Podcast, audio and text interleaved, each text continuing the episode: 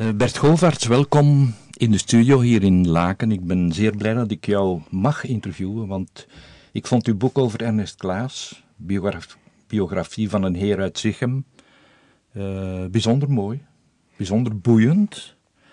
Uh, je hebt ook een biografie geschreven van Albert de Vleeshouwer, de minister.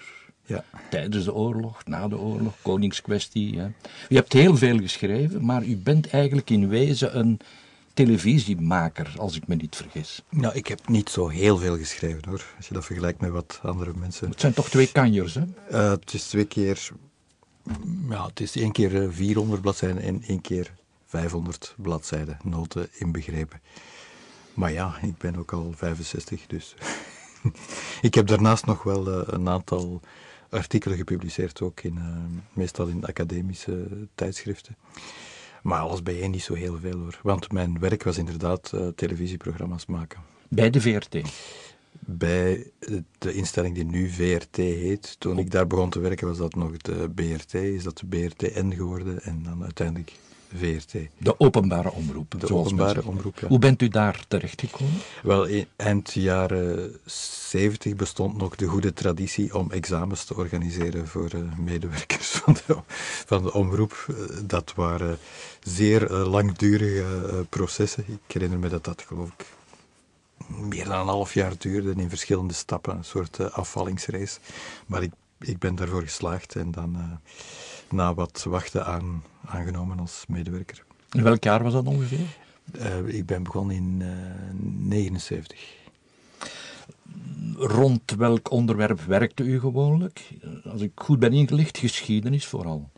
Dat heeft een tijdje geduurd hoor, want je, bij die openbare omroep uh, kon je niet zomaar doen wat je zelf wilde, of zelfs niet waar je in gespecialiseerd was. En uh, in het begin werkte ik voor een, uh, een afdeling die heette de instructieve omroep. Dat was een uh, tamelijk idealistisch opzet waarbij... Ja, een IO zo afgekort. Ja, ja, in een bepaalde fase. dat was een, een opzet waarbij onderwijs en, en omroep zouden samenwerken in multimediale projecten. Maar voor de tijd dat er internet bestond, voor de tijd dat er personal computers waren. Dus eh, je werd als cursist, want wij maakten dan in, in eerste instantie cursussen, taalkursussen, ook, ook uh, cursussen in verband met geschiedenis en, en, de meest uiteenlopende dingen. Maar je werd als cursist verondersteld om naar de televisie te kijken en dan een boek te kopen en dan op tijd voor het scherm te zitten om de volgende les niet te missen enzovoort. Maar dat, is dat was na een tijdje natuurlijk volledig achterhaald. Ja. U bent op een bepaald moment uh, eindredacteur geworden van een zeer bekende reeks in die tijd, historisch. Hè. Ja, dat draaide telkens rond een bepaald figuur of een bepaald onderwerp. Hè. Ja, historisch, historisch is, is begonnen toen Canvas is begonnen. Canvas heette vroeger het tweede net, BRT 2, en dan op een bepaald ogenblik heeft dat een eigen gezicht gekregen. En, uh, ja, is dat, dat helemaal. Uh, herbouwd, verbouwd. En toen uh, was er ook behoefte aan een historisch programma, in de zin van over geschiedenis natuurlijk. En dat was historisch. En uh, ik ben daar van meet af aan, maar dat betekent dat we al in 1997 zijn, uh, eindredacteur van geworden. Ja. Het heeft vrij lang geduurd, hè? Die, die heeft lang gelopen ja, ik weet niet meer precies hoe lang, want dan op het einde hebben ze het van naam veranderd. Uh, managers komen en managers gaan en die moeten toch bewijzen dat ze hun geld waard zijn en dan veranderen die namen en zo. En dan, dat heeft nog geschiedenis op dinsdag geheten of zoiets, of, of keerpunt ook nog. Maar alles bij elkaar, ja, toch wel uh, zes, zeven jaar denk ik. Ja. Hebt u geschiedenis gestudeerd? Nee, ik heb Germaanse filologie gestudeerd. Ja, waar veel geschiedenis in zit ook wel. Uh, literatuurgeschiedenis, maar niet, uh, geen politieke geschiedenis natuurlijk. Is het uw interesse geworden dan? Of? Uh, ja, ik, ik, was nogal een verliteratuurde uh, jonge man, maar de literatuurwetenschap, zal ik zeggen, heeft mij daar uh, mee vanaf geholpen. Die was tamelijk hopeloos in de universiteit waar ik gestudeerd heb. De taalkunde was perfect, dat was zeer, zeer technisch natuurlijk, maar op een zeer hoog niveau. Maar de literatuurwetenschap, die, die hing daar maar een beetje bij. Dat, was, uh, ja, dat stelde niet zoveel voor. Ja, ik heb zo het gevoel als ik uw, uh, uw boek lees, dat u wel iemand bent die studeert, een studax eigenlijk. Klopt dat? Uh, Studax, ik, ik, geloof dat uh, in een van mijn hoofdstukken in, het, in de biografie van de vleeshouwer gaat over de Studax, de vleeshouwer. En uh, ik heb dat nog eens precies opgezocht, want dat is een woord dat ik gebruikte zonder echt precies de betekenis ervan te kennen. Maar een Studax is echt wel iemand die bijna bezeten is door de studie. Dat ben ik zeker niet. Ik ben wel altijd aan het studeren. Ik heb belangstelling voor heel veel dingen. En ik wil, ik wil wat dan. Nog? Wat nog? Uh, de dingen waar iedereen mee bezig is natuurlijk. Ik, ik volg de, de, actualiteit. Dus ik heb niet alleen belangstelling voor uh, de politiek zoals die vroeger geweest is, maar ook zoals die zich nu ontwikkelt. Maar ook voor uh, ja, klimaatproblemen, voor, voor de natuur. Ja. Enzovoort. Ja, televisie is één ding, schrijven is iets anders, hoewel daar ook scenario schrijven bij komt bij televisie. Wat is uw voorkeur? Wat, wat doe je het liefst? De televisie is, is een volledig uh, afgesloten hoofdstuk. Een van de grote verschillen is dat je televisie niet in je eentje kan maken. Een boek maken eigenlijk ook niet hoor, want uh, je maakt een tekst in je eentje. En daarna komen er andere mensen om daar een boek van te maken. Maar de afhankelijkheid van andere mensen is bij televisie natuurlijk vele, vele malen groter. Dus de, de, de vrijheid van het individu om iets te creëren is veel groter als schrijver dan als televisiemaker. Bovendien, ik werkte voor de openbare omroep. Ik moest daar ook niet uh, de dingen gaan maken uh, die echt tot mijn strikte persoonlijke belangstellingssfeer behoorden. Dat, dat moest in een ruimer programma passen. Dat moest een, misschien niet altijd heel groot, maar toch een redelijk publiek kunnen bereiken. Dus dat zijn allemaal factoren die maken dat je veel afhankelijker bent en, en beperkter bent als televisiemaker. Maar daar staat tegenover dat dat medium andere mogelijkheden heeft natuurlijk. Je hebt geen voorkeur eigenlijk? Uh, nee, maar ik weet dat ik uh, waarschijnlijk nooit nog televisie zal maken, dus ja. de geschiedenis heeft daar voorkeur bepaald. U bent uh, in 2015, twee jaar geleden, gestopt ja. bij de VRT. Ja. Met pensioen?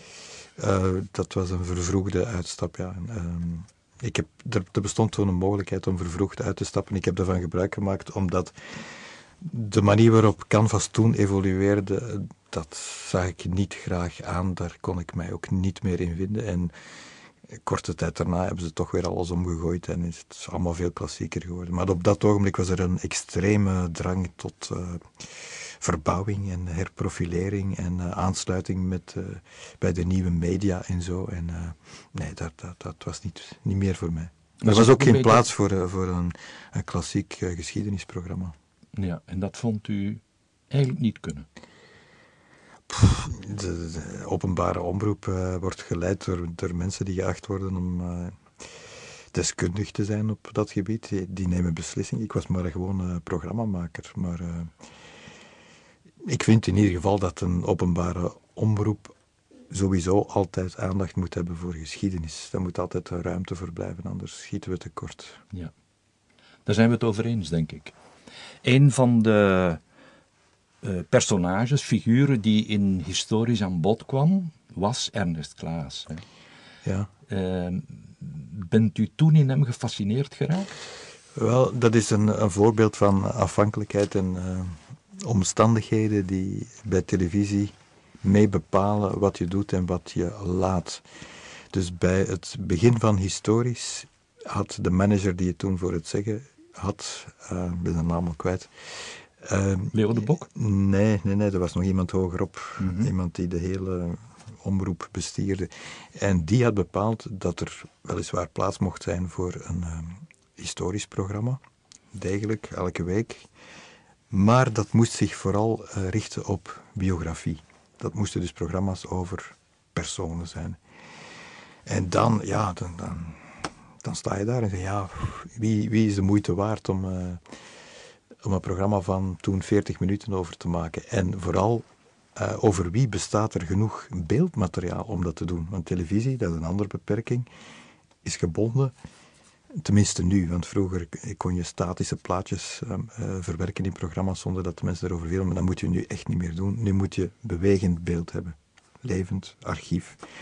En ehm, ik wist dat er in verband met Ernest Klaas ehm, veel archief bestond om te beginnen. Maar ik wist ook dat er aan die figuur, die dan ook nog eens redelijk uh, bekend was, dat er ook nog een, uh, een interessant historisch verhaal aan vast zat. En zo is Ernest Klaas in die, die reeks verzeild geraakt. Ja. En ik heb dat toen uh, ik heb dat programma zelf gemaakt, want ik was eindredacteur. Dat betekende dat ik de programma's van de, de, collega's moest begeleiden en een definitieve vorm geven. Maar ik ben ook altijd zelf programma's blijven maken. Dat heb ik met plezier zelf gemaakt. En uh, ik heb toen al uh, uh, de kans gehad om, om zijn gerechtelijk dossier in te kijken. Ik wist dat daar een nieuw verhaal in zat, als ik dat te pakken zou kunnen krijgen. Dat was niet gemakkelijk, maar dat is toen gelukt. Het zou nu niet meer lukken trouwens. De, de wetgeving in verband met privacy is, is zo erg verstrengd en de houding van de uh, procureurs-generaal die dat uh, archief beheren is zo streng dat je er bijna niet meer aangeraakt. Maar toen lukte dat dus nog wel. En zo zat Ernest Klaas in historisch. Ernest Klaas was, uh, ik zal maar zeggen, in der tijd razend populair. Ja. Hij haalde enorme oplages. We kunnen ons dat nu bijna niet meer voorstellen, behalve in een uitzonderlijke geval. Maar de enorme oplages met zijn boeken. Niet met, met alle boeken, maar, uh, maar zo'n grote titels die werden altijd opnieuw uh, herdrukt. Ik heb, ik heb al die papieren gevonden uh, in het uh, Ernest Klaas archief. De witte, daar, ja, bestaan 127 drukken van en dat waren geen kleine drukken. Als je nu een herdruk hebt, mag je ook al heel gelukkig zijn, maar dat, dat kan een herdruk van een paar honderd exemplaren zijn. En toen was dat sowieso een herdruk van minstens 2000, 2500, 5000 exemplaren. Dus opgeteld, dat is een enorme berg boeken die die man verkocht heeft. Hebt u enig idee, de witte, hoeveel uiteindelijk dat er verkocht zijn? Of was dat niet te achterhalen? Je hebt 127 drukken. Uh, ja, als u snel bent in hoofdrekenen, je hebt een gemiddelde oplage, denk ik, van 3000. Dus ja, honderdduizenden. Ja. Plus vertalingen, hè? Ja, vertalingen waren soms wat klein. Hè. Dat, dat is nu ook zo. Van, je leest in een krant die en die uh, Vlaamse schrijver wordt vertaald en uh, soms berust dat dan op culturele akkoorden en zo. En dan is dat een heel kleine oplage. Maar eh, ik heb ook de papieren gezien van de verkoop van Klaasboeken in, in de meest onmogelijke landen, waar ze wel degelijk ook, weliswaar gaat het dan over 5000, 10.000 exemplaren verkochten, maar toch, dat tikt wel aan op de duur. Ja. Hij werd op een bepaald moment uh, nog bekender, nog populairder door een aantal tv-series die bij de openbare omroep uh, op antenne gingen. Bijvoorbeeld uh, Wij, heren van Zichem, hè, waarnaar eigenlijk uw boek een verwijzing is, een heer uit ja. Zichem. Maar Wij, heren van Zichem is, is gemaakt toen Klaas al gestorven was. Hij is overleden Juist. kort voor de opnames begonnen zijn. Maar eh, Klaas was echt iemand van de openbare omroep, in die zin dat hij al betrokken is bij de eerste proeven. Er waren nog geen echte uh, uitzendingen, maar bij de eerste technische proeven die ze hebben gedaan om te zien of ze wel programma's konden maken. In de jaren 50 spreken we nu. Ja, ja. Uh, Bert Leijzen, die um, stond aan het hoofd van de beginnende, heel prille Vlaamse televisie en die heeft Ernest Klaas uitgenodigd om daaraan deel te nemen. En dat moet goed bevallen zijn. En ik, ik snap ook wel dat dat, uh, dat klikte, want uh, hij was dus een, perfecte verteller. Dat zie je nog altijd in die archiefopname. Hij had dan ook, ik weet niet hoeveel voordrachten gegeven in heel Vlaanderen. Echt meer dan duizend, denk ik. Voor alle mogelijke verenigingen in alle mogelijke omstandigheden. Hij was echt een geroutineerde verteller. Wist hoe hij een publiek moest bij zijn nekvel pakken. En dat lukte van in het begin bij de eerste opnames. En dan in de loop van de jaren zijn er uh, teksten van hem bewerkt tot televisiespelen. Ja. En dan uiteindelijk, maar ik zeg het, hij was toen al overleden. Uh, het meest succesvol van allemaal was De Heren van Zichem. Ja, 3 miljoen kijkers hè, per aflevering. Gemiddeld voor de, eerste, voor de eerste reeks. Waarbij ja. je wel de bedenking moet maken dat het televisielandschap toen veel schraler was. Mm. Dus er waren veel minder ja. zenders uh, om, om, mensen naar af te leiden. En... Maar toch, het was. Het was ja, maar je moet, je, moet, uh, je moet dat eigenlijk vergelijken met uh, de cijfers die. Uh, Vlaamse fictie of Nederlandstalige fictie uh, nu nog altijd haalt. Dat is een, een, blijvende fascinatie voor het Vlaamse publiek. Waarschijnlijk niet alleen voor het Vlaamse publiek, maar je ziet dat um, um, je hebt die, die televisieserie gehad over die politieman, zijn naam, de, de, naam van de serie was een, Witse bijvoorbeeld, dat, die gingen ook nooit onder het miljoen. Dan kan je zeggen dat is drie keer minder, maar in veel, veel Ja, ja, in die moeilijkere tijd, ja. omstandigheden. Ja. En eh, ja, het is in, in die eh, traditie dat je dat moet zien. Maar hoe dan ook, eh, hij was zo populair, of de tv-serie was zo, dat Zichem overrompeld werd. hè. Busladingen, mensen werden daar afgeleverd, ook Nederlanders. Hè. In Nederland Het werd, ook- het, de Rijkszon, want er zijn twee Rijksen geweest, die zijn ook in Nederland uitgezonden. En en Nederlanders zijn ook een beetje directer en nieuwsgieriger op dat gebied. Die willen dan zien waar het vandaan komt en die betalen dan, hoe gierig ze ook zijn, eh, volgens het cliché eh, graag eh, een paar gulden om eh, persoonlijk kennis te maken met eh, het dorp waar die verhalen uit gesproten waren. Het is ook verfilmd, De Witte. Twee keer. Twee keer verfilmd, hè, met eh Jefke Bruinings in der tijd in de hoofdrol. Die werd daar ook een beroemdheid door. Dat is echt een historische film. eh, niet omdat hij zo goed is, want hij is echt niet goed. dat vond Klaas zelf ook al in der tijd. Eh, maar dat was de, de eerste grote Vlaamse klankfilm. Ehm, ik weet niet of u die bladzijde in mijn eh, boekgoed hebt kunnen bekijken. Ehm, ik heb de frontpagina afgedrukt van Ons Land, dus een van de populaire Vlaamse weekbladen van dat ogenblik. En op het ogenblik dat eh, De Witte is uitgebracht, was de cover uiteraard gewijd aan, eh, aan, aan De Witte. Maar er stond, mij, er ja. stond onder, wij hebben onze film. Dus alsof Vlaanderen echt had zitten wachten op een, een film in het Nederlands, in het Vlaams, over Vlaamse mensen. En dat was De Witte. Ja. Maar, Daar- het- maar ja, enfin, als je het nu bekijkt, het is, het is, het is een, dra- een draak, zou je kunnen zeggen. Ja. Robbe de Hert heeft het eh, beter gedaan. Eh, Robert de Hert heeft het eh, technisch professioneler gedaan, maar die film is eigenlijk ook mislukt, vind ik. Die valt uit elkaar. Op, het, op een bepaald ogenblik loopt hij helemaal verloren in de, de beroemde scène waarbij de kinderen de slag van de gulden sporen Hij, je bedoelt de. Witte. Hè, de witte. ik bedoel Robbe de Hert, Ja, die, de die zo opgaat in die scène dat die maar blijft duren. En die kinderen die spelen die scène na aan de voet van de, maag, de beroemde Maagdentoren van, van Zichem. En dat is heel mooi om naar te kijken, eventjes, maar dat duurt zo lang dat, dat de film bijna uit elkaar dondert. Maar Rob de Hert heeft daar een ehm, eh, sociaal-realistisch verhaal willen van maken. Ehm, het viel mij op eh, dat hij in het begin het verhaal heel precies dateert ook. Hij plaatst daar de datum, als ik me niet vergis, 1901 op. En ik heb mij afgevraagd waarom doet hij dat? En volgens mij is dat een, een referentie naar Bertolucci met zijn Novecento. 1900 voor, eh, voor Bertolucci, 1901 voor Rob de Hert, alsof hij wilde zeggen, kijk, dat is mijn, mijn Vlaamse Novecento. Met dus veel meer eh, aandacht voor de, de, de levensomstandigheden van de mensen in, eh, in Zichem. Prachtige fotografie ook. Maar niet, niet, niet realistisch, want je hebt dan weer een andere referentie. Heel mooi om naar te kijken. eh, eh, wanneer de boeren ehm, op het veld, en de, de heel mooie boerinnen, prachtige vrouwen die daar op het veld werkten, die, die stoppen op een bepaald moment om, om te bidden.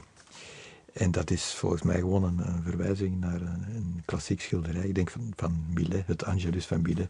Maar je kan bij, bij Ernest Klaas lezen, geen enkele boer in Zichem zou dat ooit doen. Die zou uitgelachen worden. Je stopte niet met werken omdat, er, eh, omdat de pastoor eh, de, de, de klokken van de kerk liet. Ja. Je moest doorwerken. Nu, hoe dan ook, eh, hij, hij was populair, Klaas. Hè. Iedereen kende hem. Ja. Ik denk niet dat er iemand was die Klaas niet kende. Nu doet zich tot mijn grote verbazing het feit voor dat hij bijna in de nevel van de tijd verdwenen is.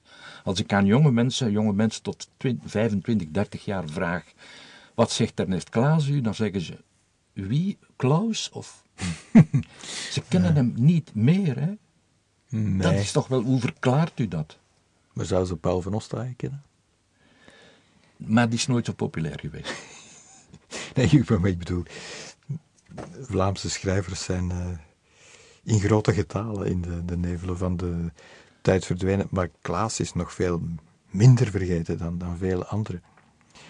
Ehm, als u begin september naar de, de jaarvergadering van uh, het Ernest Klaas Genootschap, want dat bestaat nog altijd, mhm. zou komen, dan ziet u daar toch ook nog altijd, denk een 150-tal mensen die daarop afkomen. Wat veel is voor een literaire bijeenkomst. Dat genootschap zelf is, heeft men mij gezegd, een van de grootste van literaire genootschappen van, uh, van Vlaanderen. Dus volgens u valt het nog een beetje mee? Hij, is niet, hij, wel, hij wordt niet gelezen, niet meer gelezen. Dat, dat, dat, daar kan je zeker van zijn. Die boeken staan op sommige plaatsen nog altijd op de, de schappen van de bibliotheken, maar die blijven daar staan. Die worden niet meer gelezen.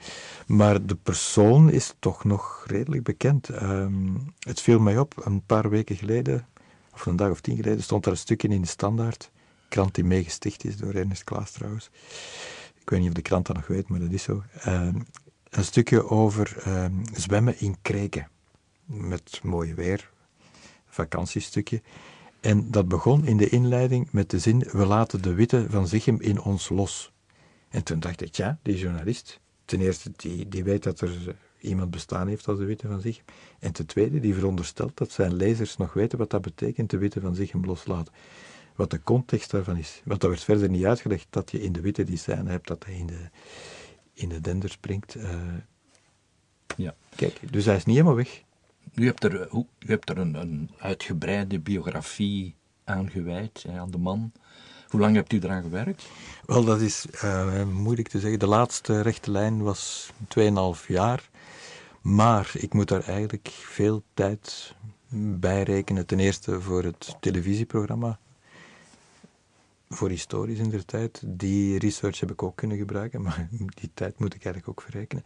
En ook heel belangrijk, uh, het leven van Albert de Vleeshouwer valt chronologisch voor een groot deel samen met dat van Ernest Klaas. En veel achtergrondstudie voor dat eerste boek heb ik kunnen gebruiken, heb ik niet moeten overdoen. Bijvoorbeeld die heel moeilijke politieke situaties in de jaren dertig uh, het schandaal van de Boerenbond, uh, Rex, al, al dat soort zaken, dat had ik al redelijk grondig bestudeerd en dat kon ik teruggebruiken. Dus ja, hoeveel tijd heeft het dan gekost? Laten we afronden op drie jaar. Drie jaar, ja. Laten we het misschien eens eventjes hebben over het leven van Klaas. Ja. Uh, hij heeft wel wat meegemaakt, hè? Ja, twee wereldoorlogen. ja. Ook als kind eigenlijk al was er die historie van werd hij blind, werd hij doof? Ja, ik, ik heb er wel bij geschreven dat we uh, voor die vroege geschiedenis zijn we bijna helemaal aangewezen op wat Klaas daar zelf over vertelt. Dus ook over die, die, uh, die periode dat hij bijna blind was. Er, er, is geen enkele andere bron die dat kan bevestigen. Maar laten we aannemen dat dat, dat klopt. Maar het was wel iemand, dat heb ik dan in, in de loop van mijn studien toch wel gemerkt, het was iemand die altijd wel vond dat uh, feiten moesten niet in de weg zitten van een goed verhaal. Dus het verhaal gaat voor. Het is natuurlijk wel een strafverhaal, een kind dat bijna blind is en dan gevoelig wordt voor stemmen en vertellingen en zo. Dat, dat past perfect in, in, wat hij wilde duidelijk maken. Maar ik denk wel dat het klopt hoor. Ja. Hij... Uh heeft op uh, jonge leeftijd, hij was een jaar of tien denk ik, zijn vader verloren. Er waren negen kinderen, dus die moeder bleef daarachter met negen kinderen. Ook geen uh, riante situatie. Nee, maar dat heeft hij, uh, dat heeft hij ook in, in zijn literair werk anders voorgesteld dan, dan het in werkelijkheid was, denk ik. Want daarvoor bestaan er wel bronnen. Je hebt, je hebt de kadaster, je kan nakijken wat die mensen aan aan grond en aan, aan bezaten. En ze waren zeker niet arm. Je hebt ook een merkwaardige getuigenis van uh, Stefanie Vetter, uh, de vrouw van, van Klaas. Uh, die vertelt dat ze de eerste keer op bezoek ging in Zichem. En ze had zich klaargemaakt voor een bezoek aan een armoedig klein arbeidershuisje of, of soort hoevetje. Je had zoiets. Je had arbeiders die ook nog wat uh, boerden. Hè.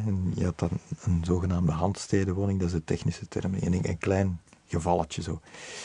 En ze zegt, ja, ik kwam daar en dat was een, uh, een heel mooie, keurige doening. En moeder Klaas nodigde mij uit om rond te kijken en zei dan heel trots van, alles wat u hier rond de hoeve ziet, is van ons. Dus ik denk dat uh, de situatie zeker niet rampzalig was op het ogenblik dat die vader gestorven is. De oudere broers werkten ook mee op de hoeve. Uh, ze waren eigenaars en pachters uh, van een, een, bedrijf dat toch iets groter was dan het gemiddelde in Zichem. Maar moeder was wel heel zuinig, dat heeft hij laten verstaan. Die wenste eigenlijk niet uh, dat de kleine Klaas verder studeerde en ze, ze wenste vooral niet om daarvoor te betalen. Nee, want het zijn de, witheren van Averbode, de paters van Averbode, die zijn studie betalen. Juist. Uh, dus die, die abdij van Averbode was heel belangrijk voor hem, maar eigenlijk voor heel die streek. Dat was een, meer dan gemiddeld grote uh, werkgever geworden door de drukkerij van Averbode. Uh, dus die functioneerde in ja, de devotiehandel van de, de abdij van Averbode, die een hele handel excuseer voor het woord, maar het was zo, had georganiseerd rond een Mariabeeld. Uh, dat uh, aantrekkingskracht had, terwijl er geen enkel mirakel mee in verband kon gebracht worden, maar dat een aantrekkingskracht op pelgrims. De mensen gingen daar naartoe om aflaten te kopen. Hè. Je koopt een aflaat om, om gunsten te bekomen. En om al die, die, die pelgrims tegemoet te komen, om, om die stichtende lectuur te bezorgen, had de, de Blijven Averboden een drukkerij, uitgeverij op poten gezet. En daar is de, de jonge Klaas als ja, tiener nog terechtgekomen. Er was ook een werking, de paters die hadden ook oog voor al die, die loslopende boerenjongens, want er waren er zoveel dat ze ook niet allemaal op die hoeves te werk konden gesteld worden.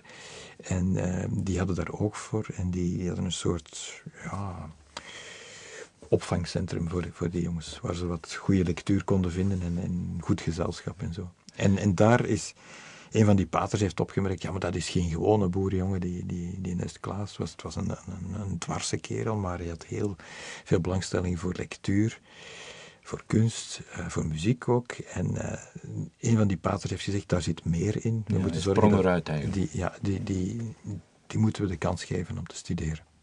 Dat is dan ook gebeurd. Hij is naar Herental gegaan, ja. naar het uh, college, college Patronet. Hoe zeg je? Le Collège Patronet ja. d'Herentals. Mm -hmm. In het Frans. Ja. Heeft daar eigenlijk ook zijn flamingantisme Die, opgedaan, of hoe moet ik het noemen?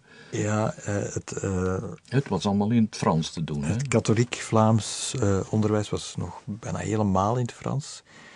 Um, en iemand heeft dus geschreven, hoewel ze dus probeerden om die, die jongens echt te verfransen, want je moet, je moet dat zeggen zoals het is, functioneerde die school echt als uh, kweekvijvers van flaminganten. Dat werkte gewoon averechts. Die kinderen werden bestraft als ze Nederlands spraken op de mhm. speelplaats. Die werden letterlijk beboet als ze iemand hoorde dat ze Nederlands spraken met, met elkaar. Dus dat, uh, ja, dat, dat wekt natuurlijk uh, weerzin. Ja, u, u, spreekt daarover in uw boek, uh, of u schrijft daarover in uw boek, dat Klaas eigenlijk op drie fronten ontwaakt. Hè. Je hebt dat flamingantisme, dat heel belangrijk wordt in zijn leven. Ook het seksuele ontwaken op dat moment. Hè. En hij begint daar ook een beetje te schrijven als uh, ja, tiener. Dus, die, die, die, die belangstelling voor literatuur dat bestond al in, in Averboden. In het begin is dat uh, belangstelling voor uh, vertellingen. Hè. Dat is, wordt beschreven in de Witte, dat hij gepakt wordt door Hendrik Conscience op zeer, zeer jonge leeftijd. Daar heb ik ook mijn vragen bij, moet ik zeggen. Maar, uh, maar daarna wil hij mooie teksten produceren. Dus hij wil literatuur met een grote L maken. En dan, zijn grote voorbeeld in het begin is Stijn Streuvels. Hij wil schrijven, hij, wil, hij heeft dat achteraf uh, zelf streuvelen genoemd. Hè, veel adjectieven en veel uh, beschrijvingen van de wonderen van de natuur en zo. Maar toch ook oog voor de hardheid van het bestaan van sommige medemensen. Ja. Dan gaat hij naar, naar Leuven, naar de universiteit. Filologie studeren? Ja, dat gaat ook met een, een hobbel natuurlijk, want hij is in Herentals beginnen studeren met een, um, een beetje een uh, onuitgesproken belofte dat hij priester zou worden. Want de witheren waren wel uh, genereuze mensen, maar ze wilden toch in de eerste plaats investeren in, in nieuwe witheren of toekomstige witheren. En dus op het ogenblik, u hebt het over een seksueel ontwaken, uh, dat hij beseft van dat is geen leven voor mij. Ik ben veel te, te dol op vrouwen, meisjes. Ik, ik kan geen priester worden. Dan zit hij met een probleem. Hij zit ook thuis met een probleem, want die moeder staat ook maar toe dat hij studeert, omdat ze weet dat hij pastoor gaat worden. En hij wordt geen pastoor. Dus hoe gaat hij nu verder kunnen studeren? Dat willen de witheren niet betalen. Maar hij vindt een, een, een gaatje in, in de wet. Dus je kan, uh, of je kon in die tijd uh, tegelijkertijd uh, je legerdienst doen en studeren. Er was zo'n een, poging van de regering om ja, wat, wat, meer mensen uit de middenklasse in het leger te houden. Want die groep van, van recruten, die werd meestal vrijgekocht. Die bleven uit het leger, zodat je in het, leger alleen maar krapul had, zoals de mensen zeiden. En waar Klaas ook heel beducht voor was. Maar door die regeling van en kunnen studeren en legerdienst doen, had je dus een groep middenklassers eigenlijk, die toch legerdienst ging doen. En die uh, de kans dan had om te studeren op kosten van, van de, de staat. -hmm. Hij uh, wordt dokter in de filologie. Ja, Ik heb zo het gevoel dat dat toen iets vlotter ging dan de dag van vandaag. Er waren gewoon geen licenties. Dus je had kandidaturen en doctoraten. En uh, dat doctoraat, hij moest dan wel een doctoraatscriptie maken. Dat had veel voeten in de aarde, daar heeft hij lang over gedaan. Het originele, of het eerste exemplaar daarvan, dat zou um, opgegaan zijn in de brand van Leuven, toen de Duitsers de bibliotheek in brand hebben gestoken in 1914. Maar er is later een, een kopie opgedoken, die heb ik in handen gehad. En dat, dat stelt inderdaad niet veel voor. Dat was een, ja, een navertelling van, uh, van wat literaire teksten, met wat appreciaties, dus alles. Het ging over Potgieter, ook, ja. een, ook een totaal vergeten schrijver. Ja. Hij, hij, hij, vertelde na wat er in die teksten van Potgieter stond en zei, ja, dat is goed, dat is goed gedaan en zo. En, bon, en zoveel bladzijden. dokter. Ja. Ik maak een beetje een, een, sprongetje ook naar de Eerste Wereldoorlog. Ja. Want we zitten eigenlijk in het begin van de, van de 20e eeuw. We moeten ons dat goed voorstellen. Ondertussen meer dan 100 jaar geleden allemaal. Uh, en hij wordt daar gewond in die Eerste Wereldoorlog. Hij was dienstplichtig, hij is, hij is opgeroepen als reservist. Maar uh, zijn legerdienst had dus bestaan uit zijn verblijf bij die compagnie universitaire. Dat betekende dat hij studeerde in de legerdienst en in het begin ook een beetje aanwezig moest zijn in uh, de kazerne, alhoewel de, de wet bepaalde dat de studies altijd voorgingen. En voor de rest hadden die mannen één of twee keer een uh, schietoefening gehad in, uh, in Leopoldsburg. Dat, was, dat waren zeker geen geoefende, getrainde soldaten, maar die werden wel gewoon in het volle vuur gegooid. Maar dan zie je, en dat klopt helemaal niet met wat we ons dan herinneren van die, die brave uh, grootvaderachtige figuur Klaas. Als 29-jarige, want hij is 29 jaar wanneer de oorlog begint, is dat echt een, iemand die erin wil vliegen. Hij heeft al een kind, hij heeft een vrouw, maar toch, uh, hij zegt, maak u geen zorgen. Uh, ik kom er wel door, maar ik, ik, ik, neem de wapens wel op. Ik, ga, ik zal in het vuur gestuurd worden. Mogelijk schieten ze me toch dood, ik weet het niet. Maar ik moet dit doen voor het vaderland. Hij is echt een patriotische soldaat. En, en, en, en daar, daar, bestaan getuigenissen over van, van zijn officier. Het was iemand die altijd klaar stond om, om gevaarlijke jobs te doen, om over en weer te lopen tussen eenheden. Hij, hij was uh, gelegerd in de buurt van Namen, de vesting van Namen. De oudere mannen werden naar de vestingen gestuurd. En uh, dat was helemaal niet veilig. In het begin werd er gezegd, de Duitsers gaan daar nooit geraken, maar die stonden op een bepaald ogenblik met een heel groot leger natuurlijk voor die vesting Namen en wilden die, die uitschakelen. En Klaas zat in een, in een eenheid die echt in het volle vuur heeft gelegen. En hij was altijd bereid om, om koerier te zijn, wat heel gevaarlijk was. Uh, om observatieposten in te nemen. Uh, en de officieren hebben achter, achteraf gezegd echt een prima soldaat. Een, een heel moedige man. En hij is bij een van die opdrachten als courier tussen twee eenheden, is hij in het vuur geraakt en heeft een aantal kogels in zijn lijf gekregen.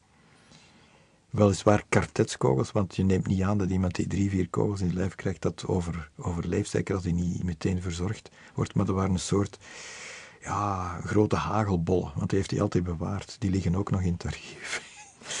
In dat soort verwondingen was natuurlijk wel, uh, dat kon dodelijk zijn, maar hoefde niet dodelijk te zijn. En hij heeft het overleefd. Ja. Maar wel zwaar gewond, ja, absoluut. Ja, ik maak nog, nog een sprong nu. Hij komt uh, terecht in de Kamer van Volksvertegenwoordiger als ambtenaar. En hij wordt daar directeur van het beknopt verslag. Ja, dat zijn de mensen die de verslagen maken van de zittingen daar. En hij is daar directeur. Dat is, wel, dat is wel een heel grote sprong, want hij wordt pas directeur op het ogenblik eh, dat er een Vlaams beknopt verslag, een apart Vlaams beknopt verslag, wordt uh, opgericht. Want in het uh, begin, toen Klaas bij de Kamer begon te werken, dan was hij gewoon een ondergeschikte vertaler. Uh, en er bestond ook geen Vlaams beknopt verslag. Het beknopt verslag in het Nederlands was de vertaling van het beknopt verslag in het Frans. Dus het waren Frans, hoofdzakelijk Franstalige journalisten. Het was een, een soort erejob die ze erbij pakten, die de zittingen mochten bijwonen en die die beknopte verslagen mochten maken en die ook de, de volledige chroniek mee opstelden. Maar dat werd vertaald. En dan op een bepaald ogenblik, nadat de grote taalwetten zijn ingevoerd in 1932 en Vlaanderen eentalig Vlaams is geworden en Franstalig België, Wallonië eentalig Frans is geworden met een, eh, een, ja, een beetje een moeilijke oplossing voor Brussel, die nooit gerespecteerd werd, maar die tweetaligheid voorschreef. Uh, toen hebben ze besloten van, nu moeten we dat consequent doordrijven, ook in het parlement. En het beknopt verslag, dat mag niet meer uh, vertaald worden uit het Frans. Onze Vlaamse mensen gaan zelf het beknopt verslag maken. En de eerste directeur, die is heel vroeg gestorven en dan de volgende in de rij was Ernest Klaas. Maar dan zitten we al in 32, 33. In ieder geval, hij komt in die wereld terecht, in die politieke wereld, bekijkt dat allemaal van op de eerste rij. Ja. Is daardoor gefascineerd ook, maar krijgt een beetje een afkeer van politiek. Uh, hij, zit die, hij zat daar op, echt op, uh, op de eerste rij te kijken naar uh, wat hij het gedoe van de, de Belgische politiek uh, noemde. Hij zag die regeringen komen en gaan. Ja, het was een moeilijke periode ieder geval. Ja, er heel veel regeringen. en hij is flamingant. Hij was flamingant, hij is dat gebleven ook als ambtenaar. En hij vond, ja, onder andere dat de Vlaamse kwestie niet goed verdedigd werd in het parlement. En uh, dat was een van de redenen waarom hij niet zoveel achting had voor die politici. Op een paar na, want er, er, waren een paar die, die boven iedereen uittorenden. En zijn grote held was natuurlijk de Vlaamse katholieke voorman uh, Frans van Kouwelaert. Daar, daar wilde hij nooit een kwaad woord over gezegd hebben. En een andere was iemand die waarschijnlijk uh, ook vergeten is, maar die voor hem, zeker in zijn persoonlijk leven, ook heel belangrijk is geweest. Dat was dokter Van de Perre, ook een katholieke Vlaamse volksvertegenwoordiger uit Antwerpen. Er waren zo twee figuren eh, die heilig waren voor hem, maar de rest, dat waren zo'n, uh, ja, ik zal niet zeggen minderwaardige figuren, middelmatige figuren. Hij vond het ook helemaal geen vooruitgang dat er zoiets bestond als het algemeen stemrecht, dat ingevoerd is na de Eerste Wereldoorlog. Hij had nog de periode daarvoor gekend. Uh, en door dat algemeen stemrecht kwamen er in die, in die kamer uh, ja, heel eenvoudige mensen. En uh, die soms ook dialect praten. Hij, heeft dat, hij, was, hij schreef ook stukjes over wat hij meemaakte in de kamer. En die werden dan links en rechts gepubliceerd. En hij, hij, bootste dan soms het dialect van die mensen na om te laten zien dat die daar toch niet echt op hun plaats waren.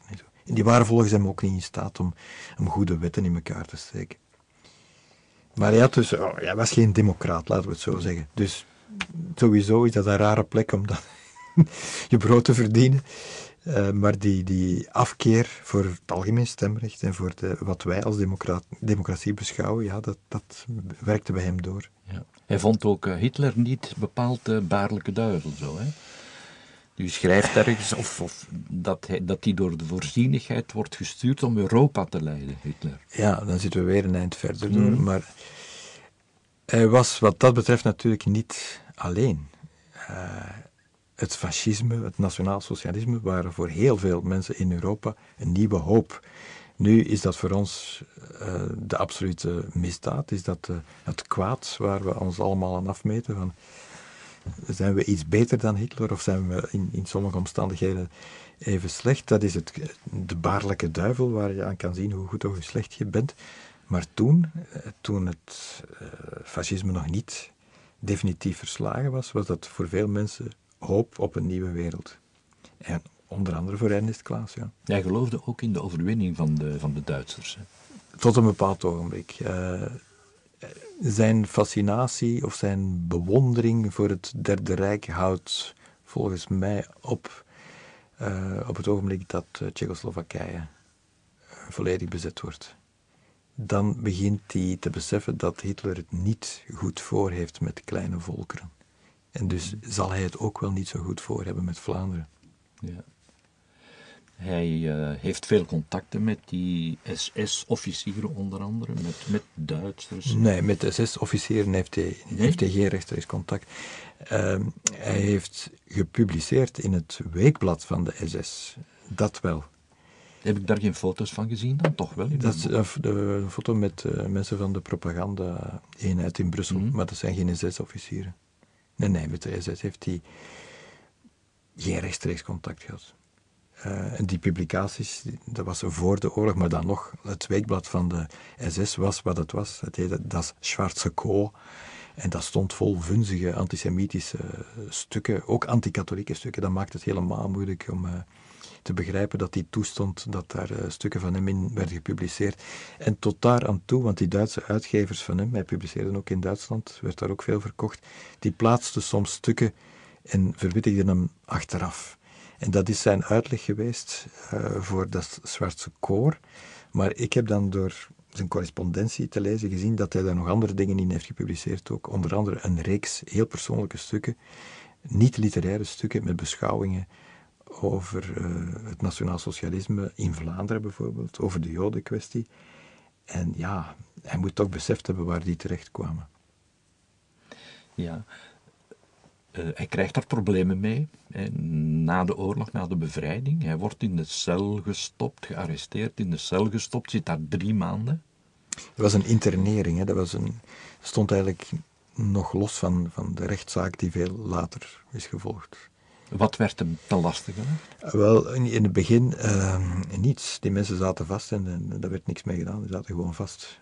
Maar informeel uh, gebruikten de verzetsmensen die, uh, die hem opgepakt hebben, die gebruikten een dossier dat was samengesteld door een medewerker van, van het parlement. Willem Dumoulin heette die. Hij had daar een conflict mee gehad. Hij heeft achteraf gezegd, ja, dat was pure rancune van die man, die kon het niet verwerken. Dat ik zijn carrière had gedwarsboomd, of die dacht dat, dat ik zijn carrière had gedwarsboomd. En die heeft heel de oorlog lang heeft die knipsels over mij verzameld. En dat ging over interviews die hij uh, gegeven had in het begin van de bezetting. En die toen nog inderdaad een zekere hoop uitstraalde dat er een... Uh, overeenkomst zou komen met de Duitsers en dat Vlaanderen wel zou varen bij die bezetting. Dat is, dat is een illusie die hij een tijd lang heeft gehad. Uh, in begin van, helemaal in het begin van de bezetting was hij anti-Duits. Want als oud-strijder wist hij wat het Duitse leger was en wat het Duitse leger uh, van zin was. Maar dan op een bepaald ogenblik, ja, het, het Belgisch leger, de koning geeft zich over, wordt, wordt van de Duitsers de kardinaal zegt dat is de voorzienigheid, uh, we moeten ons daarbij neerleggen, we moeten ja, leven met de bezetter. Uh, dat is niet letterlijk, maar daar kwam het op neer. Bovendien, de, de voorzitter van de Socialistische Partij, de Socialistische Partij, die ontbindt zijn partij en die zegt: arbeiders, neem uw plaats in, in deze nieuwe constellatie. Op dat ogenblik heeft Klaas gezegd: nu moet ik als katholiek Vlaming zorgen dat ik daarbij ben, anders hebben wij geen plaats in die nieuwe constellatie. Maar dat heeft niet lang geduurd. En dan, uh, na een tijdje, heeft hij, uh, heeft hij ingezien dat er van die bezetting geen vanzelfsprekend goed zou komen. En dan de militaire situatie is veranderd. Hij heeft ingezien dat Duitsland niet zou winnen. Het heeft lang geduurd, maar bon, heeft dat ook beseft voor het einde van de oorlog. En hij, hij, is dan een soort persoonlijke koers in zijn hoofd, want hij heeft geen politieke daden meer gesteld. Beginnen varen, onver, onverfranst, onverduidst. Dus uh, die Duitsers, daar moeten we regeling mee vinden, maar ze mogen onze Vlaamse soevereiniteit niet aantasten, wat natuurlijk heel naïef was.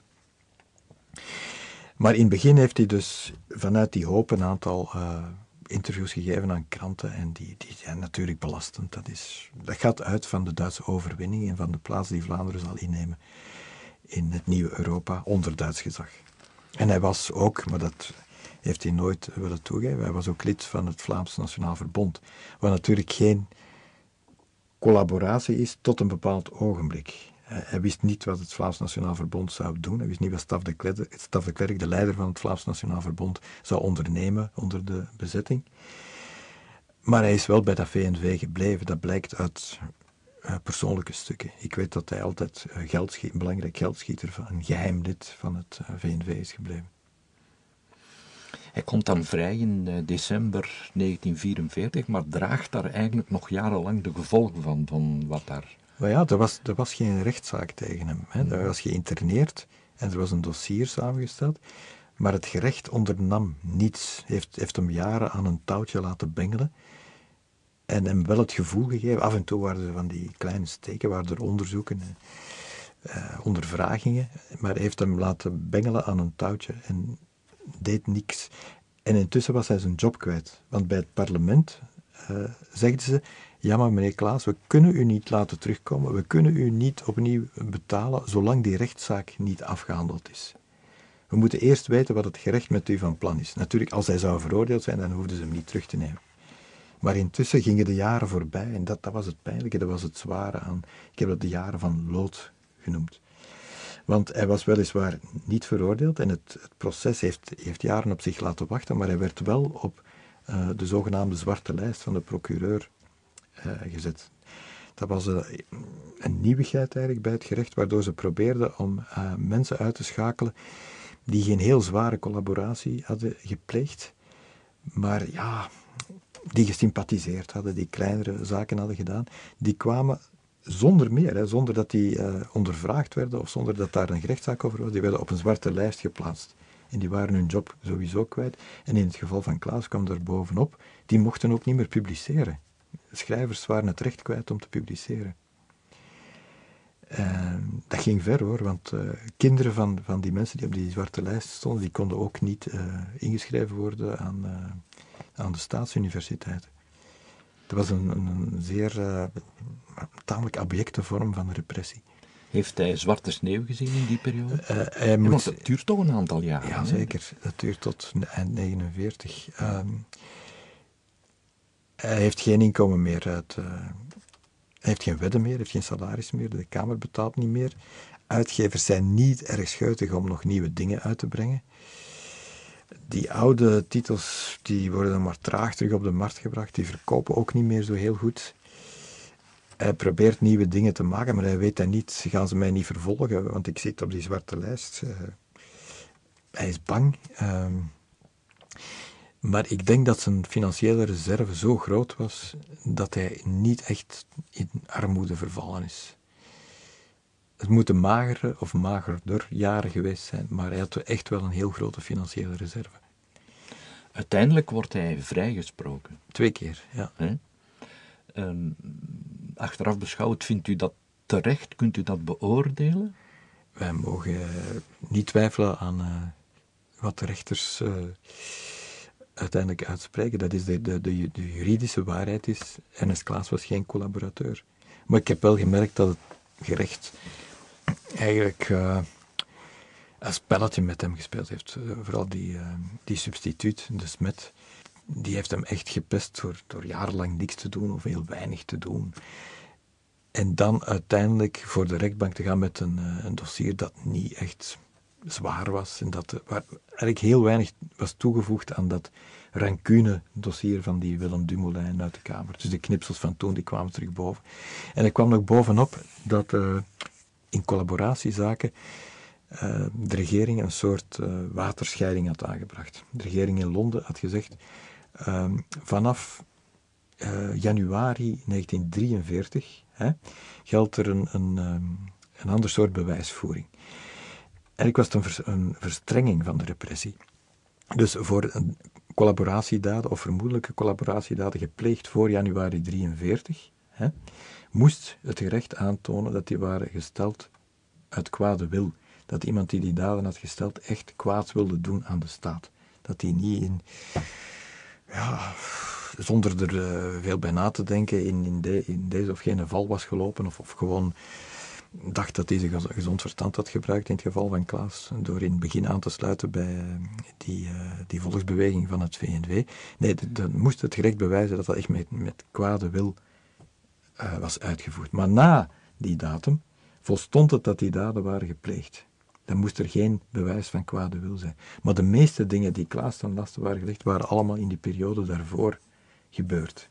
En daar heeft het gerecht gezegd, nee, dat is niet aangetoond. Klaas was niet per se uh, vanuit een kwade wil bezig met die, met die zaken. Dus dat ging allemaal, werd allemaal weggeveegd. En er is ook een, het gerecht had ook een, achteraf gezien, bizarre redenering gevolgd. Uh, Klaas had na de oorlog, nadat hij zo een tijdje de kat uit de boom had gekeken, had hij toch weer dingen gepubliceerd onder een schuilnaam G. van Hasselt. In een blad dat zich tegen de, de repressiepolitiek keerde, Rommelpot. En het gerecht was daarachter gekomen en had huiszoekingen gedaan. En Klaas had ook bekend, ja, ik heb, ik die stukken gepubliceerd. Ik kan moeilijk anders, ik zit in, in moeilijke papieren en zo. En volgens het gerecht was de oorlog nog niet gedaan in 1944, zelfs niet in 1945. En juridisch technisch was dat juist. Je hebt een of andere verklaring van de Belgische staat nodig om een einde te maken aan uh, de staat van de oorlog. En dat was nog niet gebeurd. Dus volgens die substituut waren die publicaties in rommelpot in 45, 46 of nog later, die data heb ik nu niet precies in mijn hoofd, waren dat ook nog daden van collaboratie. En daarvan heeft het gerecht dan gezegd, nee, dat gaat echt te ver. We moeten redelijk zijn, de oorlog is gedaan, dat, dat, daar willen we het zelfs niet over hebben. Mhm. Dus dat dossier werd altijd maar kleiner en magerder, er schoot niet veel over. Maar de twee rechters, dus zowel in eerste instantie in, uh, en in beroep, militaire rechters, die hebben wel uh, een flinke bolwassing gegeven aan... Uh, aan Klaas in de rechtszaal en gezegd: Meneer Klaas, u had zich anders moeten gedragen. U had een, een trotse Belg moeten zijn en niet zo iemand die naar de, de gunsten van de, de, Duitsers dong. U had een voorbeeld voor Vlaanderen moeten zijn, van de Vlamingen moeten zijn. Bent u niet geweest. Zoals u zich gedragen hebt, dat vinden wij niet, niet strafbaar, maar het had toch beter gekund. Dat wel. Als ik nu zo in, in Humo, naar aanleiding van uw boek, een titel lees: De Zwarte van Zichem. Een allusie natuurlijk op de witte van ja. Beetje goedkope woordspeling, oké. Maar vindt u dat dan terecht? Hè? Want de zwarte slaat natuurlijk op de collaborateur, terwijl hij in feite niet veroordeeld is. Nee, of is dat technisch was, geen was hij geen collaborateur, hm. maar hij was tot, uh, tot diep in de, in, uh, in, in de oorlog een bewonderaar van, van Adolf Hitler en van het uh, Derde Rijk. Dus ja. Maar dat, dat werd niet omgezet in, in, in daden van collaboratie. Dus nee. Maar, maar ik heb dat ook in mijn balans geschreven. Het, uh, het erge eigenlijk aan, aan, de man is dat hij achteraf uh, dat niet verwerkt heeft. Hij heeft nooit stilgestaan bij die, die bladzijde in zijn dagboek waarin hij zegt Adolf Hitler is gestuurd door de voorzienigheid. Hij is van de ene dag op de andere is hij een andere ander uh, Ernest Klaas geworden. Dat is een zin die dat, dat moet misschien beter kunnen. Dus het erge is, hij heeft die, die zwarte periode, om het zo te noemen, heeft dat nooit verwerkt. Hij schrijft, heeft die bladzijde in zijn dagboek waarin hij schrijft Adolf Hitler is uh, door de voorzienigheid gestuurd, heeft dat nooit achteraf bestudeerd. Hij heeft nooit gezegd van ik was fout. Nee, hij is van de ene dag op de andere een bewonderaar van Roosevelt en van Churchill geworden van de geallieerden. En, en, en dan later in correspondentie, dat, dat is ook iets waarom, waar je bij stil moet staan, schrijft hij als, als de witte in het Hebreeuws uitkomt. Ah, dat doet me zo'n plezier, want ik ben altijd een grote jodenvriend geweest. Wat ook niet waar is. Hij was zeker geen antisemiet, zeker geen vulgaire antisemiet. Uh, Stefanie had ook een, een, een Joodse vriendin en uh, hij had oog voor wat er met met de Joden in Duitsland gebeurd is, maar hij, op een bepaald ogenblik, onder andere in de stukken die in, in dat SS-weekblad zijn verschenen, schreef hij dat toe aan de Joden zelf, door hun, door hun gedrag. Dat, ze, hadden, ze hadden dat verdiend, door de manier waarop ze zich gedragen hadden. Dat is zeker niet, niet de taal van een grote Jodenvriend. Ook, daar hebben we het nog niet over gehad, maar in, uh, acht, uh, pardon, in 36 was hij aanwezig op het PEN-congres in Buenos Aires. En daar waren verschillende sprekers die aandacht vroegen voor wat er in uh, Nazi-Duitsland gebeurde. Die uh, zegden, daar bestaat geen literatuur meer. Iedereen die, die echt literatuur wil bedrijven, zit ofwel in een concentratiekamp of die, die is weggestuurd. En uh, Klaas heeft daar de verdediging van het Derde Rijk opgenomen bij de penclub, alstublieft. Ja, dat is niet bepaald wit gedrag, zal ik zeggen. Mm -hmm. Maar dat is wel in 36, hè. Bon.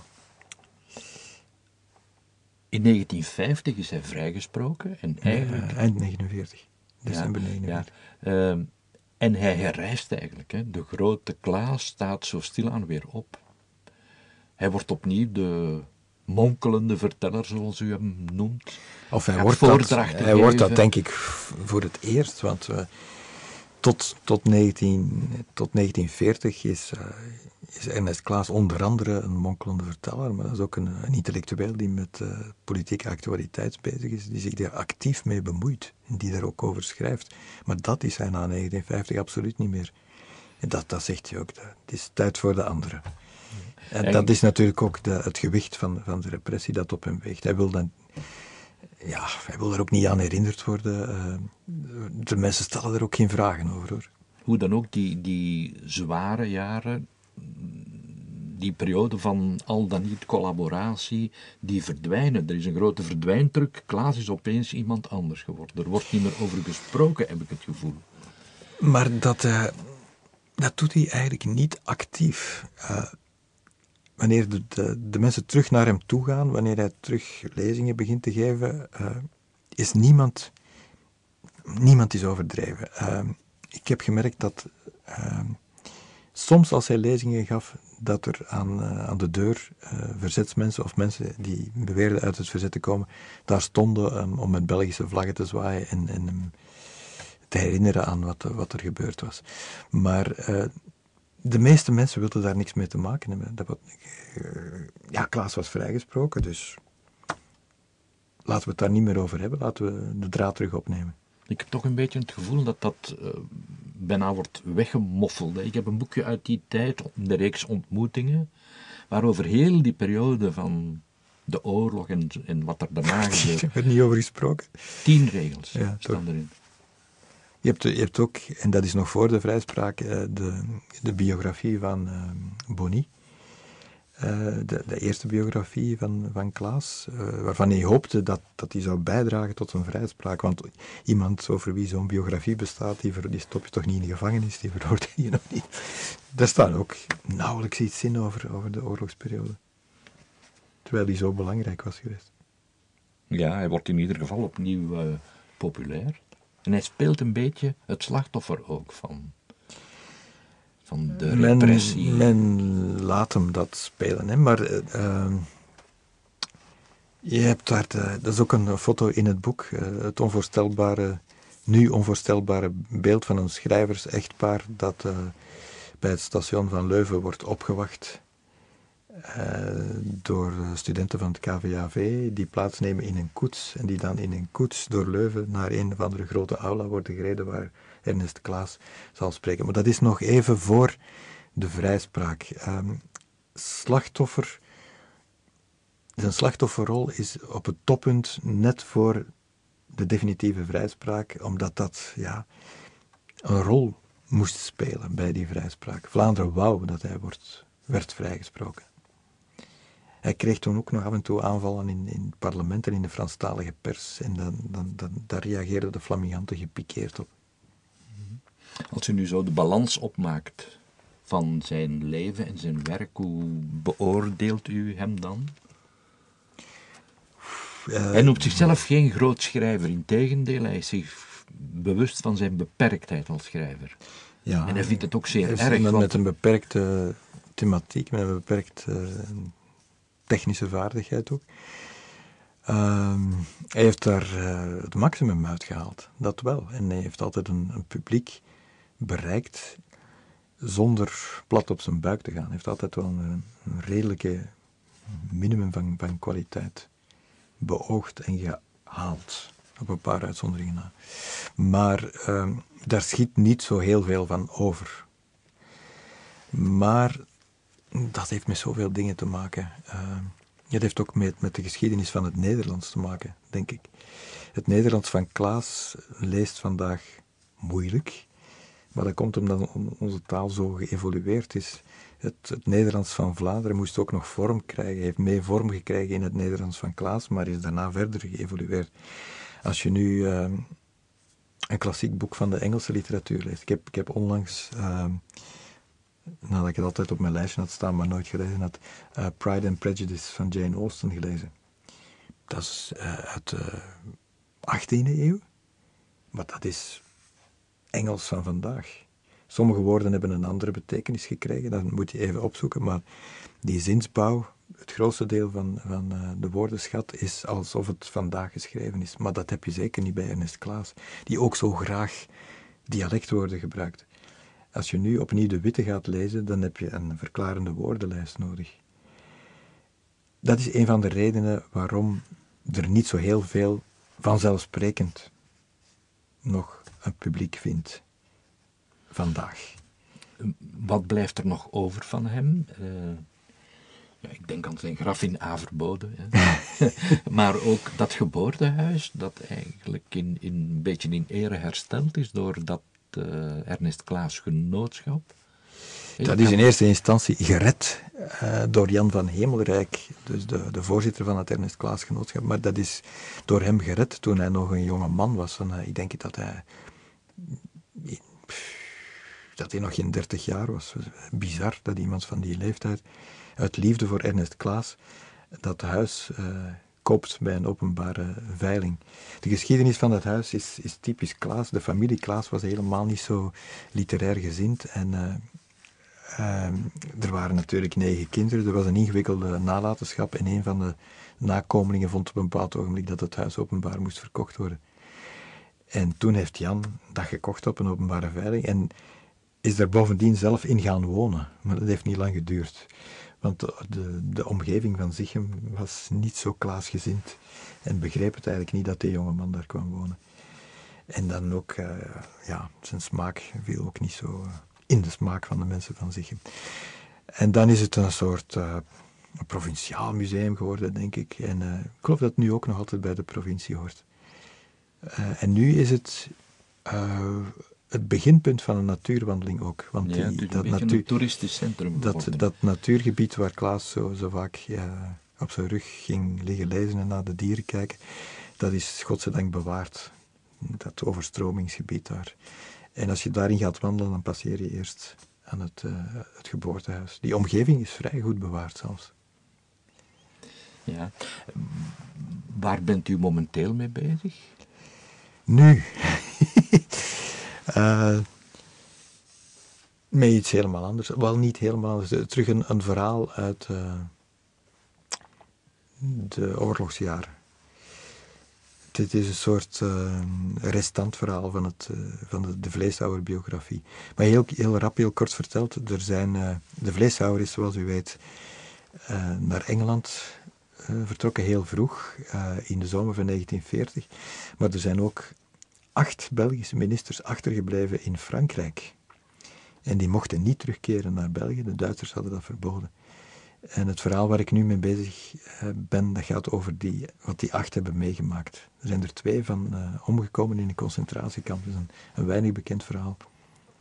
Schrijft u daar een boek over? Ik weet niet wat dat gaat worden. Ik verzamel materiaal op dit ogenblik. Ja. Ik zie in uw boek een opdracht staan, in uw Ernest Klaas boek dan, aan Lupa en Lus, kan dat? Ja, dat zijn mijn kleindochtertjes. En die, gaan, die wenst hen toe dat ze de witte gaan lezen, zegt Ja, als grootvader kan je natuurlijk wel enige druk op uitoefenen. Hè. Ja. Zou u dat wel willen, dat ze dat doen? Maar ja, waarom niet? Dat is een van de boeken die wel met veel plezier kunnen gelezen worden. Ja. Is het en als het te moeilijk is, dan moeten ze maar naar Rob de Hert kijken. Ja, is het nog leesbaar, vindt u? Eh, wel, ik, met, met uh, de restrictie die ik daarnet heb aangegeven. Je moet, er een woordenlijst uh, bij halen. Maar dat is, dat is nog, uh, dat is Ernest Klaas die niet echt ernstig is. Hij is soms wel somber, want dat is een, uh, een bijzondere mengeling van, van Kempische nuchterheid en soms wanhoop en humor in één boek. Dat maakt een boek ook zo bijzonder. Maar het was uh, Ernest Klaas als schrijver met vakantie eigenlijk. Dat heeft hij achteraf ook beseft. Op het ogenblik dat hij stopt met literatuur te willen schrijven en, en te streuvelen, dan maakt hij de witte, dan begint hij gewoon te vertellen wat er met die jongen gebeurt in, in zich. Bert Govaerts, ik dank u voor dit uh, gesprek en ik wens uw kleinkinderen de lectuur van De Witte toe. Dank u wel voor de belangstelling en voor het aangename gesprek. Dank u.